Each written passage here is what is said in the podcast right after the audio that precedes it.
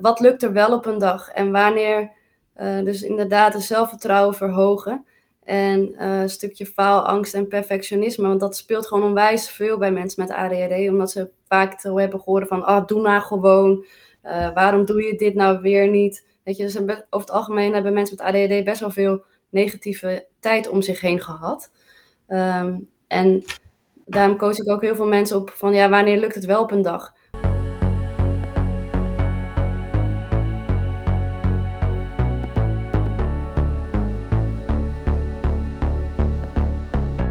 En welkom bij de podcast van deze week. Deze keer hebben we een expert die ons te woord gaat staan om meer uitleg te geven over aan de ene kant ADHD, maar daarnaast uiteraard ook over de link tussen ADHD en eetstoornissen. Het thema waar we een handmaand ook ons in verdiept hebben.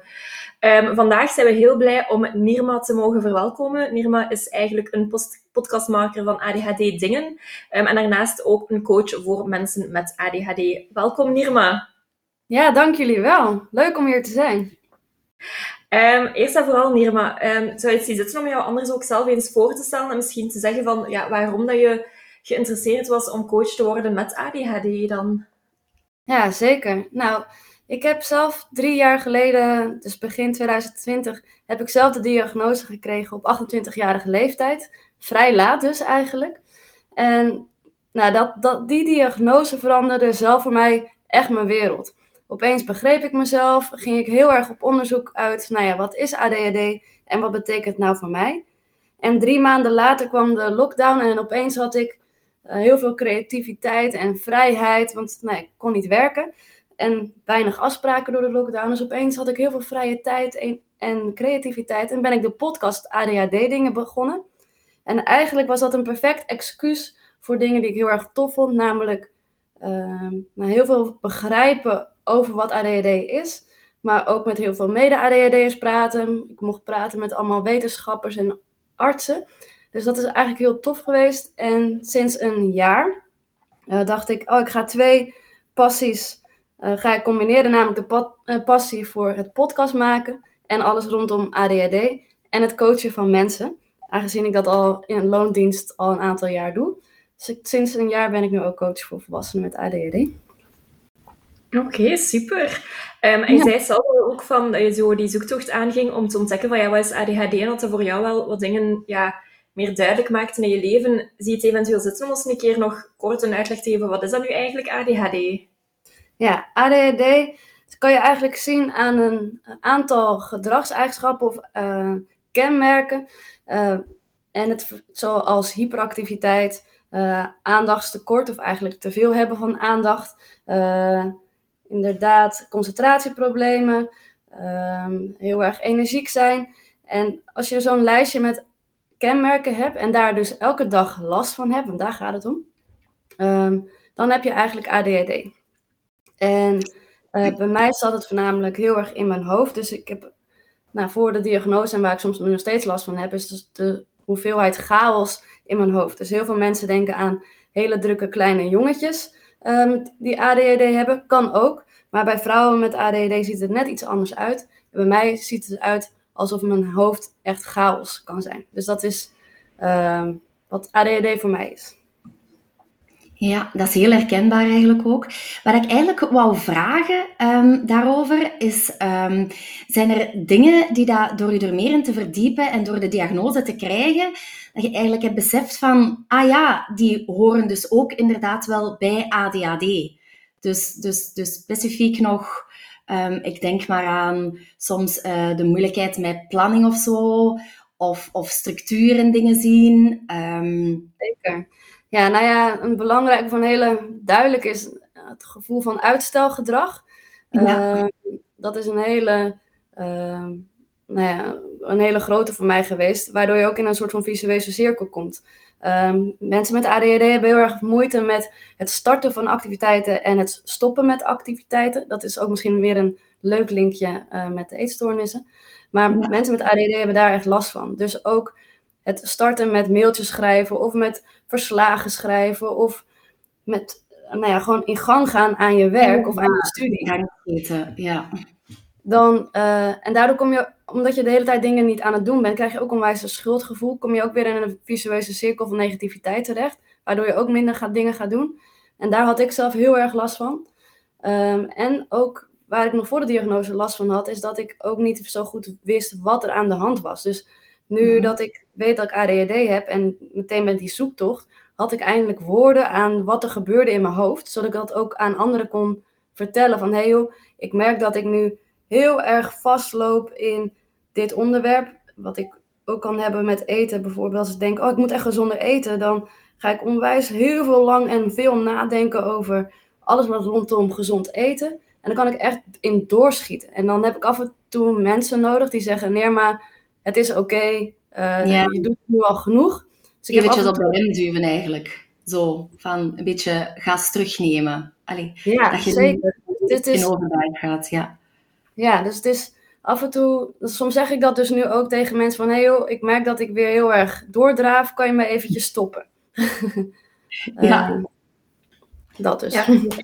Nee, nee, maar dat is eigenlijk inderdaad wel ja, heel herkenbaar, denk ik, voor veel mensen ook. Um, je zei ook heel duidelijk van ja, die chaos en zo in jouw hoofd. Ik vroeg me dan ook af, want ja, als wij dan kijken naar bijvoorbeeld mensen met een eetstoornis die we in de behandeling stoppen, dan gaan wij heel vaak werken rond het opbouwen van structuur, van regelmaat en dergelijke. En dan merk je dat dat wel soms een moeilijke is om daar ook in te gaan. Is dat iets waar je zo denkt van, oh, daar zijn er wel tips voor, of hoe dat je daar beter mee kan omgaan? Ja, nou ja, wat heel veel mensen met ADHD misschien wel herkennen, is dat ze een soort van haat-liefde verhouding hebben met structuren en planning. Uh, ze hebben heel erg veel, over het algemeen heel erg behoefte aan structuur en planning. Alleen daaraan houden is soms echt dus lastig. Uh, heel veel mensen met ADHD hebben moeite met time management. Die hebben gewoon niet zo'n goed besef van de tijd. Um, en uh, planning en structuur kan ook het gevoel veroorzaken dat het allemaal heel erg saai is. En, um, en dat kan weer onderprikkeling opleveren. Dus... Ja, inderdaad. Dus eigenlijk, als ik het goed begrijp ook, met ADHD ga je ergens wel telkens op zoek naar die overprikkeling, maar ja, die is dan niet altijd... Allee, dat levert natuurlijk niet altijd veel positiviteit op, op termijn. En ook dus... dat dan soms die prikkeling zelf kan zijn, dat dat bijvoorbeeld is dat je dat in eten zou zoeken, waardoor dat, dat eten dan ook nog moeilijker is. Of zie je dat dan fout?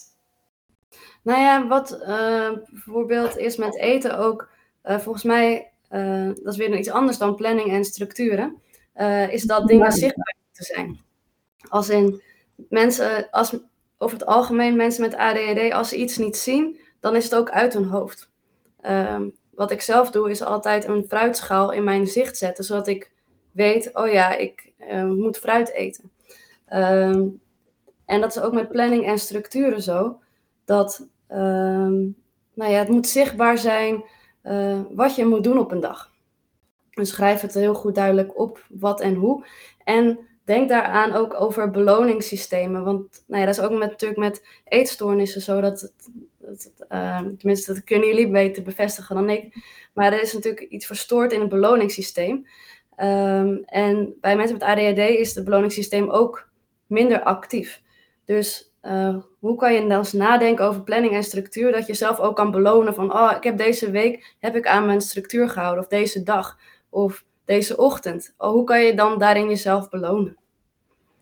Dat is inderdaad wel heel interessant, Nirma, want ik wist niet dat dat bij mensen met ADHD eigenlijk ook verstoord was. Ik ga daar heel eerlijk in zijn, dus dat vind ik nu oprecht op in mijn, hoofd, in mijn hoofd is er nu zo'n Hanse eye-opener aan het komen, dus dank je daarvoor. Um, Alsjeblieft, ja. Dank je, dank je. Want het is inderdaad wel zo dat we merken dat bijvoorbeeld mensen met uh, voornamelijk binge-eating, je dat dan, of eetbuien, dat dat echt ook in het hersenniveau op die hypothalamus kan werken en dat dat inderdaad dat beloningssysteem gaat activeren, waardoor dat dat... Waardoor dat eigenlijk, ik dacht dat het vaak was, het... Uh, ja, niet eten overdag of het vergeten, dat dat soms zorgde voor de eetbuien, maar dat is dan nog een andere kijk, wat ik wel een heel interessant iets vind, om eerlijk te zijn. Ja, en uh, wat ik ook heb gelezen en ook wat gehoord van volgers en uh, van mijn podcast, is dat ook met dat, uh, die eetbuien, dat dat juist als een soort van emotieregulatie of stressvermindering is. Dat kennen jullie waarschijnlijk ook. Ja, dat dat, inderdaad. dat dat al echt de hoofdreden is. Van, oh ja, dat is dan eindelijk een moment met eten ineens, dat ze wel rustig voelen. Is het dan eigenlijk ook gewoon inderdaad op zoek gaan naar al die positieve ervaringen. Allee, in de zin van telkens die positieve dingen opzoeken. En, en is Ja. dat dan, allee, begrijp ik dat dan goed, dat dan bij ADHD dat dat ehm, Moeilijker is? ja, moeilijker is, inderdaad, om dat te zoeken en ook van, van, kortstondige, allee, van kortstondige duur of zo. Klopt dat? Of ben ik daarin even eh, de mist in aan het ingaan?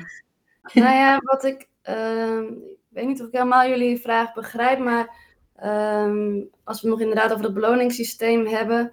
ehm, nou ja, sowieso mensen over het algemeen denken, kunnen we vaak wel negatief nadenken. Maar heel veel mensen met ADHD hebben ook best wel veel negatieve ervaringen met hun omgeving, juist door hun, eh, dat noem ik even tussen haakjes, onopgemerkte ADHD. Mhm. Ehm, dus eh, dat is misschien al verstoord. En wat betreft het beloningssysteem en op zoek gaan naar positieve ervaringen. Ehm, het is natuurlijk zo met ADHD is een soort van dopamine tekort. Wat ook wel gelukstofjes worden genoemd. Ehm, dus daar is het dan ook wel handig om mee rekening te houden. Ja, ja, inderdaad. Ja, het was inderdaad die richting, het, het linken met de dopamine dat ik inderdaad eh, precies. bedoelde, maar ik kreeg het niet onder woorden gebracht. dus dank u daarvoor. Ja, nou ja, het is inderdaad zo. eh, de meeste onderzoeken gaan er nu vanuit dat mensen met ADHD een dopamine tekort hebben. En dat heeft dus ook te maken met het starten van activiteiten, het stoppen met activiteiten, maar ook kunnen focussen, concentreren. Ehm, dus dopamine is een onwijs belangrijk stofje wat helaas eh, minder goed eh, aangemaakt wordt. Over de groep genomen. Oké. Ehm, want ik weet al dat er zo vaak medicatie wordt aangeraden, maar dat is dan meer voor het aandachtsniveau natuurlijk. Gelijk zo genre Relatine, Concerta en dergelijke. Ik dacht zelf dat dat niet onmiddellijk met die dopamine te maken heeft. Ik kan natuurlijk ook mis zijn wat ik nu aan het zeggen ben. Dat is een stukje, maar niet volle- allee, een stuk wel, maar dat dat ook daar een stuk op inspeelt, maar dat het dan weer zo plots wegvalt. En wat ik merk, is dat heel vaak daar dan ook bij komt dat er minder honger ervaren wordt als dat wordt Zeker. genomen. Ehm, Ja. Is er daar dingen dat je hebt van tips of zo? Want dat is natuurlijk een dat ik als, als diëtiste tegenaan loop. Als ik met mensen met een eetstoornis werk, dat ik zie van... Ja, ze nemen die medicatie en ze hebben die ook echt wel oprecht nodig voor, hun, voor, ja, voor het ADHD-gedeelte. Om ook te, te kunnen functioneren soms, dat we het echt nodig hebben. Maar is er daar dan tips dat je kan geven hoe je daarmee omgaat? Omdat dat wel nog een is als we het eten aan het opbouwen zijn. Ja, nee, ik kan me helemaal voorstellen vanuit jullie eh, perspectief dat het inderdaad een grote uitdaging is. Toen ik ook begon met medicijnen, ben ik ook 5 kilo afgevallen en dat eh, in best wel korte tijd. Ehm, dus daar is wel goed om mee rekening te houden. En ik denk, eh, om eerst jouw vraag te beantwoorden, is het wel echt nodig, die medicatie? Voor heel veel mensen zeker. Ehm, ehm, medicijnen kunnen helpen juist om inderdaad eindelijk de rust te ervaren in hun hoofd, zodat ze wel dingen kunnen doen. Ehm, dat ze eindelijk kunnen starten met activiteiten of eindelijk wel hun werk kunnen doen of meer sociale activiteiten aan kunnen. Ehm, en eigenlijk gewoon beter kunnen functioneren de gedurende de dag. Ehm, En zeker voor mensen die eh, nou, heel veel last hebben van een ADHD of net in hun traject zitten van eh, ADHD-diagnose. Ehm, omdat je dan nog net niet over het algemeen tools hebt om met je ADHD om te gaan. Dus ik denk, ehm, en wat je zegt wat betreft ehm, dat te weinig eetgevoelens hebben tijdens het gebruik van medicatie. Het is ook nog de vraag, eh, slikt die persoon dan niet een te hoge dosis? Want dat kan natuurlijk ook een eh, teken zijn dat de bijwerkingen te heftig kunnen werken. Dus dat is nog, kan nog een vraag zijn voor de arts. Als ehm, een van jullie cliënten daarmee eh, loopt, is de medicatie dan niet te hoog? En ehm, zoals ik eerder al zei, laat het zichtbaar zijn, het eten. Ehm, Ja, ja, visueel. Dus echt van, ja, ja. Ja, dat is wel een goede, ja, dat is een goede tip eigenlijk wel. Ehm, ik was mij ook aan het afvragen, Irma, want dat is dan iets wat ik meemaak in de praktijk, dat ik soms aan mensen hoor dat ze zeggen bijvoorbeeld als ze de relatine gebruiken, omdat die dan zo plotseling stopt en dat ze dan eigenlijk volledig het hongergevoel beginnen te krijgen en daardoor soms ja, een eetbui zouden krijgen. Is er daarvoor een verklaring waardoor dat, dat eigenlijk komt? Ja, nou ja, door de medicatie dan kan het zo zijn inderdaad mensen geen eh, hongergevoel hebben. Of, eh, dat is sowieso over het algemeen bij mensen met ADHD, eh, zijn die signalen soms echt verstoord. waardoor ze ook zonder medicatie al ehm, geen goede eetgevoelens krijgen. Dus En gecombineerd met de hyperfocus, wellicht bekend ook bij jullie, dat je helemaal kan focussen voor vier uur lang of zelfs een hele dag op één ding, uh, waardoor je alles vergeet. Uh, door die hyperfocus en eigenlijk al de verstoring van de signalen uh, van honger hebben, dan kan je al zonder medicatie kan je al bijna een dag niet hoeven te eten. omdat dat allemaal zo verstoord kan zijn. Um, en met medicatie wordt het soms ook nog erger. Omdat je dan ook nog helemaal kan focussen. Juist omdat je zo'n rustig hoofd hebt.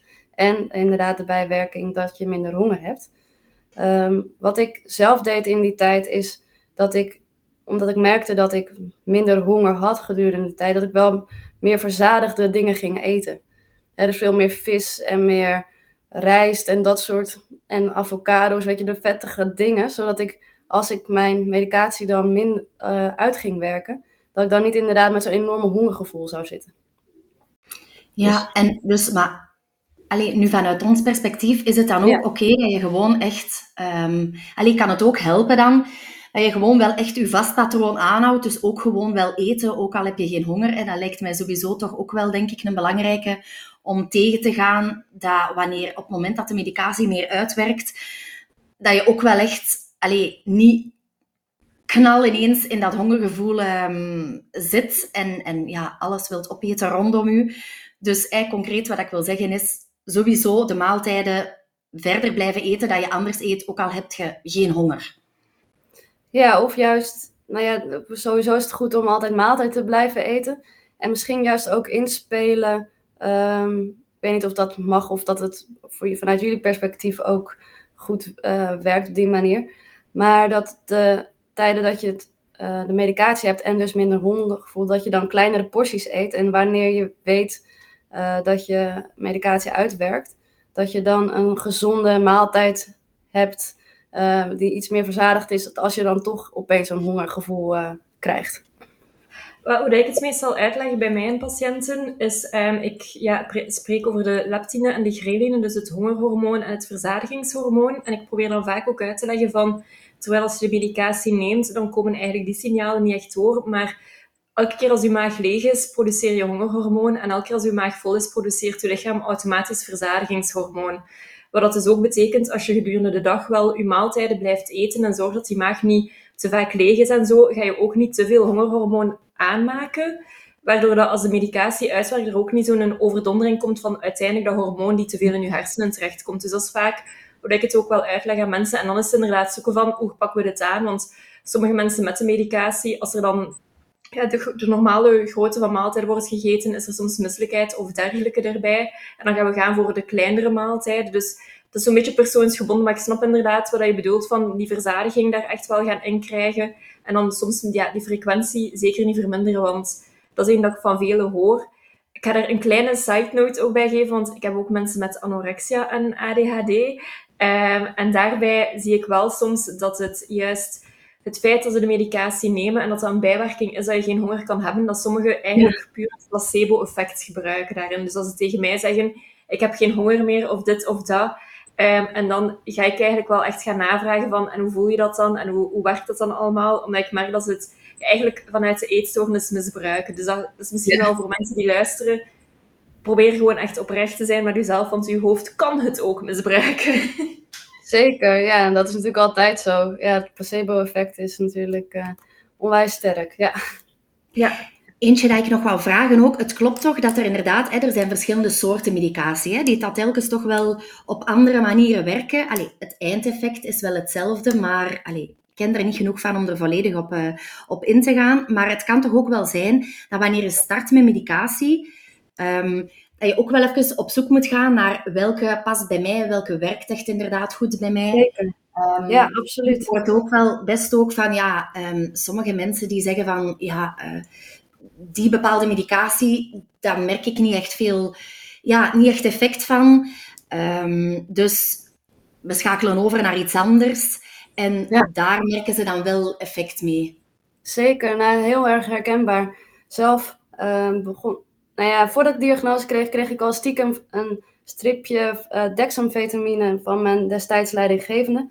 Um, en vanuit um, de GGZ werd mij uh, Ritalin uh, aangeboden, wat uh, bekend is, methylfenidaat. Ja, ja. Um, maar ik, heb daar, ik had dat één dag genomen en ik werd daar zelf zo panisch van. Ja, En helemaal ook. Heb ik ook al gehoord, ja. En ik, heb, ik eh, mailde meteen de verpleegkundige van, nou, dit wil ik echt niet. Eh, geef mij maar dat stripje dexamfetamine weer. Eh, ik weet niet of dat hetzelfde is als in België, maar ehm, in ehm, Nederland heet dat dan eh dexamfetamine van Tentin. Momenteel, eerst was het Amvexa. En dat is echt een ander soort stofje. Ja, En, ja, inderdaad. En dat is, werkt voor mij zoveel beter dan dat Ritalin. Eh, veel minder intens en ehm, nou ja, ook wel minder somber. Want van Ritalin werkt dat eh, zeker. Dat, kan, dat effect kan bij mij Tentin ook wel gebruiken. Dus daarom ben ik ook verder gaan zoeken dan dexamfetamine Tentin. En ben nu uitgekomen op een dexamfetamine van Transvaal apotheek. En die is voor mij helemaal fijn. Al gebruik ik nu de laatste tijd eh, veel minder of nauwelijks medicijnen. Maar het is Ah. inderdaad zo dat het is heel erg persoonlijk waar je goed op gaat qua medicijnen. Eh, Ja. Veel mensen die bijvoorbeeld heel veel hyperactiviteit hebben, nemen kortwerkende medi- of langwerkende medicijnen. Hè, die Ja. die duren dan acht uur, omdat ze dan niet hoeven na te denken over het opnieuw innemen van medicijnen. Maar zelf vind ik het prettig om bijvoorbeeld kortwerkende medicijnen te nemen, omdat je dan meer controle hebt over de dag of dat je dan eh, kan nadenken over wat, wat heb ik nodig deze dag en hoeveel hoort daarbij. Maar ik hoor het ook wel heel duidelijk, Norma, dat je zegt van, ik heb er zelf amper nog nodig. Dus het is wel zo, als iemand ADHD heeft en ook de juiste tools krijgt, dat je wel allee, een beetje een evenwicht kunt vinden met medicatie. En inderdaad, zoals dat je zegt, een beetje zoeken wat heb ik nodig en dit en dat. Dus dat is wel ook fijn om te horen, vind ik zelf. Ja. Ja, nou, ik ken ook ondertussen best wel veel mensen met ADHD die inderdaad gestopt zijn. Ofwel omdat ze genoeg tools hebben en ook de omgeving hebben. Dus het gaat, de omgeving is ook onwijs belangrijk. Heb je nou een gestructureerd leven waar je alles een beetje, nou ja, waar je in je structuur hebt gevonden, dan eh, gaat het natuurlijk veel makkelijker dan wanneer je ouders overlijden of dat er moet verhuizen en dat soort eh, externe factoren. Ehm, maar het is inderdaad zo dat ik ondertussen best wel veel mensen ken die gestopt zijn vanwege dat ze balans hebben gevonden en de tools hebben gevonden. Of sommige mensen zijn ook heel erg gevoelig voor medicijnen en eh, kunnen het gewoon niet nemen. Dat kan natuurlijk ook. Oké. Maar Dat ik zou altijd op zoek gaan, ook al slik je medicijnen, eh, naar wat werkt er voor mij. Dat is een- voor, voor mij een Ja. belangrijke. Ehm, wat zijn de triggers? Wanneer ben je overprikkeld? Wanneer ben je onderprikkeld? Ook een hele belangrijke voor mensen met ADHD. En wat zijn de triggers? Ehm, en inderdaad, hoe ga je om met emoties eh, en met je dips en je highs, zeg maar. Ja, want ik denk dat het ook een heel belangrijke is als dat gaat over eetstoornisherstel en ADHD, omdat ik sommige mensen heb die eigenlijk hun eetstoornis een stukje gebruiken om met hun ADHD om te gaan. Dus dat dan nog meer moet ingezet wordt op echt die tools en op die, ja, soms ook medicatie in het begin, omdat het anders nog een veel moeilijker is natuurlijk. Zeker. Je Ja. zei ook, voor, eh, voordat we eigenlijk de podcast waren beginnen opnemen, had je ook gezegd, Nirma, van ja, ik heb zelf ook een beetje onderzoek gedaan rond ADHD en eetstoornissen. Dus ik was eigenlijk heel benieuwd, is er iets wat je dacht van, dat is iets wat ik echt wel moet zeggen, of iets wat mij zeer interessant leek om eens te vermelden? Even kijken. Nou ja, ehm, nou ja ik, ik ben altijd ook van het wetenschappelijk perspectief. Eh, daar staat de podcast ook wel een beetje bekend om. Ehm, nou ja, dat er ook best wel wat onderzoeken zijn die hebben uit, waaruit is gekomen dat ehm, mensen met ADHD veel meer kans hebben op eetstoornissen dan Ja. eh, mensen zonder ADHD. Dus dat is wel zowel bij jongeren als bij volwassenen. Ehm, dus dat ehm, vond ik wel een interessante. Waar we het nog niet over hebben gehad, is bijvoorbeeld het effect van slaap op voeding. Ehm, want mensen met ADHD hebben over het algemeen een verstoord slaapritme. Ehm, ze slapen anderhalf, de biologische klok staat eigenlijk anderhalf uur later over het algemeen. Ehm, en door de hoeveelheid prikkelverwerking hebben heel veel mensen moeite met inslapen. Ja. Ik denk dat die vermoeidheid ook heel erg veel impact kan hebben op het eetgedrag overdag. Zeker met eetbuien. Ehm, dat daar dan ook wel een link in te vinden is. Als Ja. in dat je ook veel minder nou ja, dat je door de vermoeidheid heel erg meer op zoek gaat naar energie door middel van eten. Dus dat vond ik eigenlijk ook nog wel een interessante. Ja, dat is inderdaad een heel interessant, want het is zo dat we dat altijd doen als we eetbuien onderzoeken, vraag ik ook altijd van wat zit erachter. En het lichamelijke, de vermoeidheid, is ook een wat we echt wel er altijd bij vermelden. Ik had daar wel nog een klein vraagje bij. Wat bedoel je precies met de biologische klok van mensen met ADHD is een, een uur en een half later? Zou je dat eens kunnen uitleggen? Ja, zeker. Nou ja, hoe laat gaan jullie ongeveer naar bed? En wanneer worden jullie een beetje moe? Ik denk, ik denk dat wij daarvoor het slechte voorbeeld zijn. ik heb zelf ADHD trouwens, dus um, ja, bij mij is dat ook niet altijd even. Uh, even maar wellicht herken je het dan wel als in dat je veel mensen met ADHD die worden pas moe rond een uur of 12, 1 en soms zelfs 2 uur s'nachts. Um, en... Echt puur door die prikkelverwerking, omdat dat inderdaad, omdat ze zoveel op hun afkrijgen, dat er ook gewoon veel meer uh, moet verwerkt worden nog en dat dat moeilijker is om zogezegd allee, ja, die vermoeidheid te voelen, omdat je lichaam nog op gang is. Ja, ook. En uh, die prikkelverwerking is zeker nog een hele belangrijke, maar de melatonine wordt ook later aangemaakt. Over het oh, mij. Ja, dat wist ik. Ja, kijk naar Lotte, maar dat wisten wij alle twee niet. Nee. Dat is uh, super interessant. Ja, en dat, uh, en dat bedoel ik met dat het anderhalf uur later, de biologische klok anderhalf uur later is. Uh, de melatonine wordt te laat aangemaakt voor de tijd waarin wij leven, of de maatschappij waarin wij leven. En ehm, is daar iets waar dat je aan kan doen? Dat je kunt zeggen, ik, ik zet in op wel op tijd naar mijn bed te gaan. Hè. Bijvoorbeeld, ik weet ook, hè, blauw licht, hè, dus schermen, tv, um, ehm, gsm. Van echt wel gewoon te zeggen, ik, ik creëer een, een, een slaapritueel.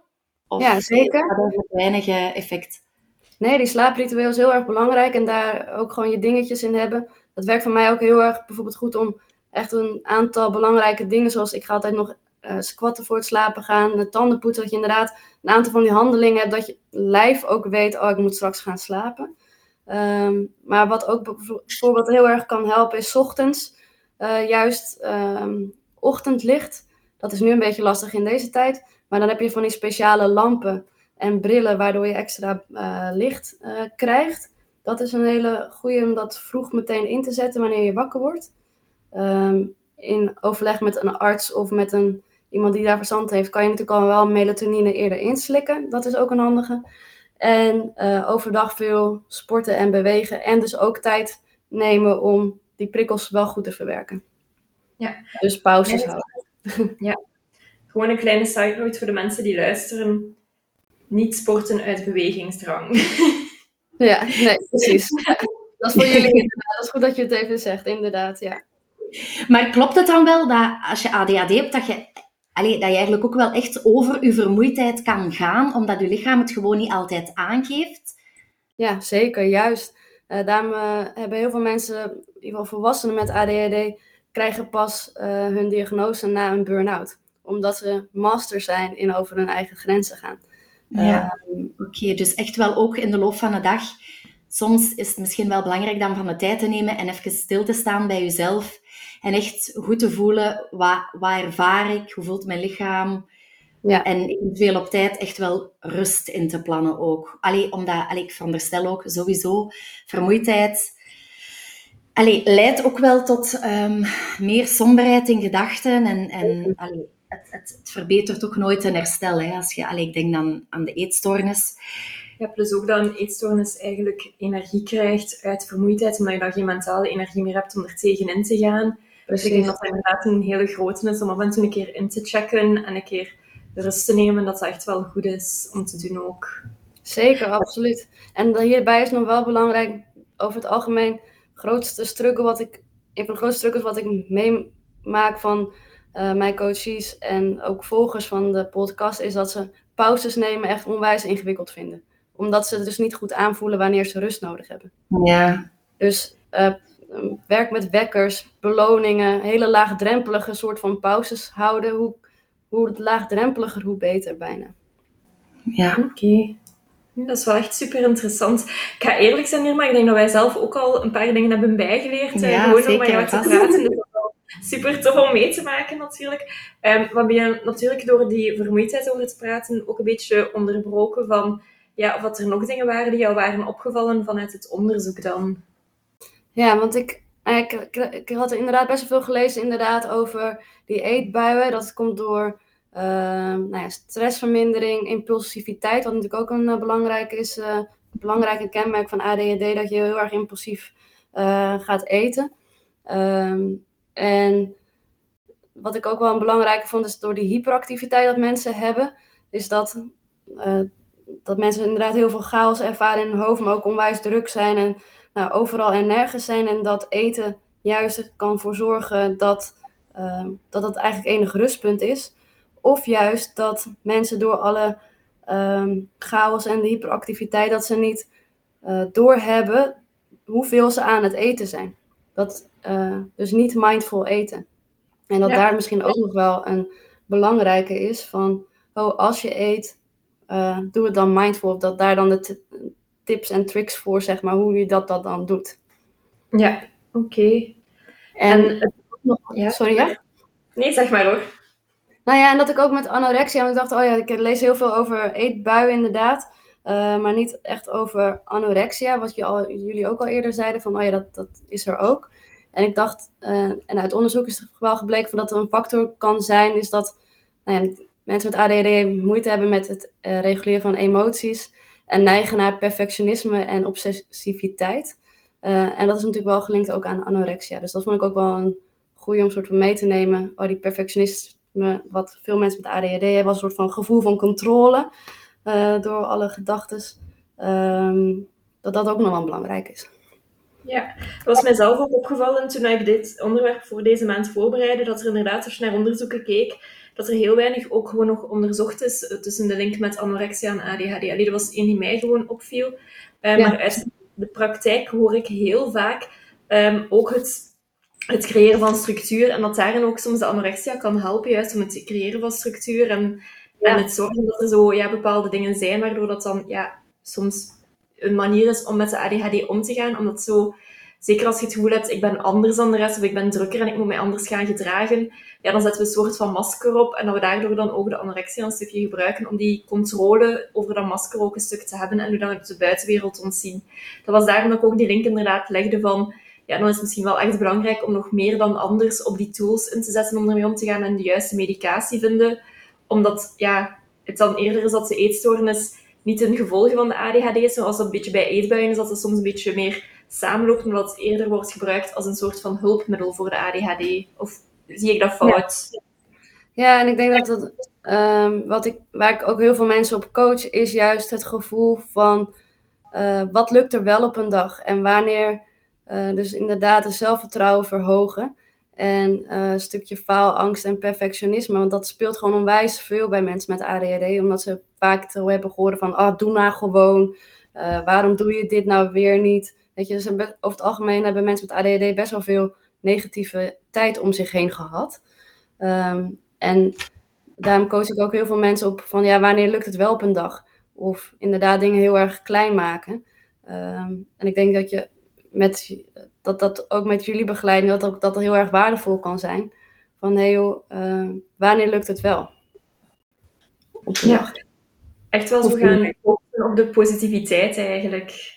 Juist, want heel vaak gaat het al over de negativiteit. En ik denk dat heel, en zeker omdat het beloningssysteem natuurlijk ook al is verstoord, ik denk dat het veel meer mogen kijken naar uh, de positiviteit. Als in wanneer lukt het wel? Um, want ik weet ook van heel veel mensen met ADHD blijven ook heel vaak hangen in het hoe dan. Uh, hoe moet ik dit beter doen? Uh, en daar kunnen ze dan urenlang over nadenken. Um, en vergeten bijna de vraag wanneer het wel is gelukt. Al is het maar voor een paar uur. Wanneer is het gelukt om wel een paar uh, uur goed te eten? Of een dag? En wat had je toen gedaan dat het wel lukte? Wat waren de factoren? Hoe was je dag toen? Dat, het, dat we die tools en die factoren kunnen meenemen voor een nieuwe dag. Ja. Nee, ik denk dat dat inderdaad wel een mooie is ook om te vermelden. Zelf heb ik ook vaak het advies dat ik geef om zo bijvoorbeeld een positiviteitsdagboekje bij te houden. Om zo ja. en te beginnen met één, maar dan na verloop van tijd misschien iets meer positieve puntjes van wat was er wel positief vandaag of wat zijn dingen die wel goed waren vandaag. Om daar inderdaad ook wat meer de focus op te leggen en niet op dat negatieve waar dat onze hoofd anders te veel mee bezig is, hè, natuurlijk. Zeker, ja. We kunnen, wat ik heel veel hoor en wat ik ook wel weet, of bij mezelf weet, we kunnen zo lang nadenken over alle negativiteit. en omdat we onze hersenen, ik zou het niet zeggen, zijn eigenlijk onderactief over het algemeen genomen. Als je een groep ADHD'ers hebt en ehm, dan is de grootste gedeelte van die hersenen zijn dan onderactief. Um, ze komen in een soort van slaapstand. En in die slaapstand um, wordt ook wel de wandering mind genoemd. maar dat is vaak een negatieve mind. Uh, en dat gaat dus alle kanten op. Dus dat is ook wel een goede om te onthouden als in, als je merkt dat je heel erg negatief wordt, um, is het goed om naar jezelf af te leiden met goede dingen. Dus niet alleen met eten of controle houden dat je niet aan het eten bent, maar met positieve afleidingen. Want anders blijf je heel erg nadenken over alle negatieve dingen. Ja, dus eigenlijk ook gewoon echt bewust worden van oké, ik zit eventjes in die negativiteit, proberen plaatsen, maar dan inderdaad wel een afleiding zoeken om even om te schakelen. Ja, en zo laagdrempelig mogelijk. Want het is net als met, uh, met telefoonscrollen. Dat is natuurlijk een heel makkelijke afleiding, maar dat is ook niet een hele positieve. Het is eigenlijk een hele laagdrempelige afleiding. En heb je soms voorbeeldjes van dingen die je misschien zelf doet? Want ik denk, ja, als ik het hoor, mijn hoofd was onmiddellijk aan het denken, welke? Ik kon er niet onmiddellijk opkomen, dus ik weet niet of je soms een paar voorbeeldjes over zou kunnen geven. Uh, bijvoorbeeld ABBA-muziek. oftewel... ja, dat lijkt me wel al... Uh... oftewel muziek waarmee je kan meeblaren of dat je weer even in een hogere energie komt. Ja, uh, ja inderdaad. Dat, uh, dat helpt gewoon. Of muziek dat je gewoon heel erg leuk vindt. Als je een metal fan bent, dan is ABBA misschien niet iets waar je heel erg blij van wordt. Maar in ieder geval muziek waar je dan heel erg blij van wordt. Dat geeft natuurlijk ook weer extra dopamine. Dus zorg voor bijna een playlist van oh, muziek dat maakt, wat me blij maakt. Ja. Uh, wat mij ook helpt is dan twee minuten dat ik een timer zet en dan even ga squatten. Dat helpt bij mij, want het is een soort van beweging. Of dat ik denk, oh, ik ga even tien minuten naar buiten. Ja. Beweging is altijd een hele goede. Um, of dat ik, um, voor mij helpt ook bijvoorbeeld in een andere ruimte zitten. Dus als ik thuis zit, dat ik denk, oh, ik ga naar een koffietentje toe. Een soort van change of scenery kan heel erg helpen. Dat zijn nieuwe prikkels namelijk. Ja. Uh, dus dat zijn dingen waar ik nu eventjes aan denk. Ja, super. Ja, nee, toen je het zei van de muziek, was ik ook onmiddellijk aan het denken van ja, bij mij is dat eigenlijk altijd gewoon een dom dansje doen. Als ik daar nu zelf ja. over denk, dat is mijn... Ja, precies. Dus, ja, dat helpt onwijs. Uh, en dat is ook makkelijk te doen, dat kan je ook thuis doen. Weet je, dat helpt gewoon. Maar ik denk dat ik dat zelf gewoon soms tijdens de consultaties doe. Dus ja, bij mij zijn mensen dan ook gewoon... Nou, soms doe ik dat ook gewoon tijdens groepsessies. Dan uh, start ik gewoon met even een dansje of een hele gekke oefening. Dat iedereen al een beetje over de schaamte heen is, zeg maar. Ja, ja dat, kan, dat kan inderdaad helpen. Nee, super. Nee, maar echt, Nirma, onwijs bedankt voor, voor alle dingen die je nu verteld hebt. Ik zeg het, het zijn ook een paar eye-openers voor ons geweest. Ik vond het een, eh, een heel interessant gesprek. Ik weet niet of er nog iets is dat jij zelf denkt van had ik graag wel nog meegegeven of nog gezegd. Nee, ik denk dat de meeste dingen wel uh, zijn uh, gezegd. Ja, nee, ik vond het heel erg leuk om te doen. En uh, leuk om in dit onderwerp te duiken. Ja. Geen enkel probleem. Ik ben heel blij dat je het hebt willen doen. We hebben, ik ga daar eerlijk over zeggen, we hebben echt heel hard moeten zoeken om iemand te vinden die erover wou praten en die het ook zag zitten. Dus echt waar super hard bedankt. En ook dat je zo goed hebt voorbereid. Vind ik ook echt wel echt een chapeau daarvoor en dank u. Um, en dan voor de luisteraar wil ik uiteraard ook zeggen Bedankt om te luisteren. Je hebt er eventjes op moeten wachten om het uh, te horen, onze expert. Maar ik hoop dat je er even hard van hebt genoten als ons. En dat je er uiteraard ook er heel veel uit hebt bijgeleerd. Sowieso, volgende week zijn we er terug met een nieuwe podcast. Ik heb geen idee wanneer ik deze inplan. Dus ik heb ook geen idee welke dat de volgende is. Um, maar dat gaat hopelijk ja, teruggaan over het onderwerp eetstoornissen en depressies, normaal gezien. Dus sowieso tot volgende week.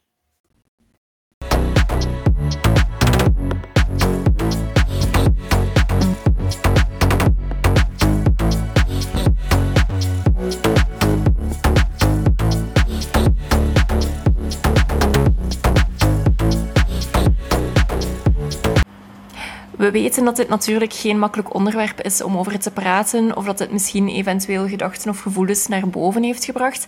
En daarom willen we je echt eraan herinneren dat je ook ergens terecht kan. De mensen van AWEL staan eigenlijk altijd klaar om je verder te helpen. Het kan zijn een belletje of via de chat, maar je kan ook natuurlijk altijd bij ons terecht um, op de vrijdagavond als je vragen hebt of ergens mee zit. Dus je bent zeker niet alleen en vergeet dat ook niet.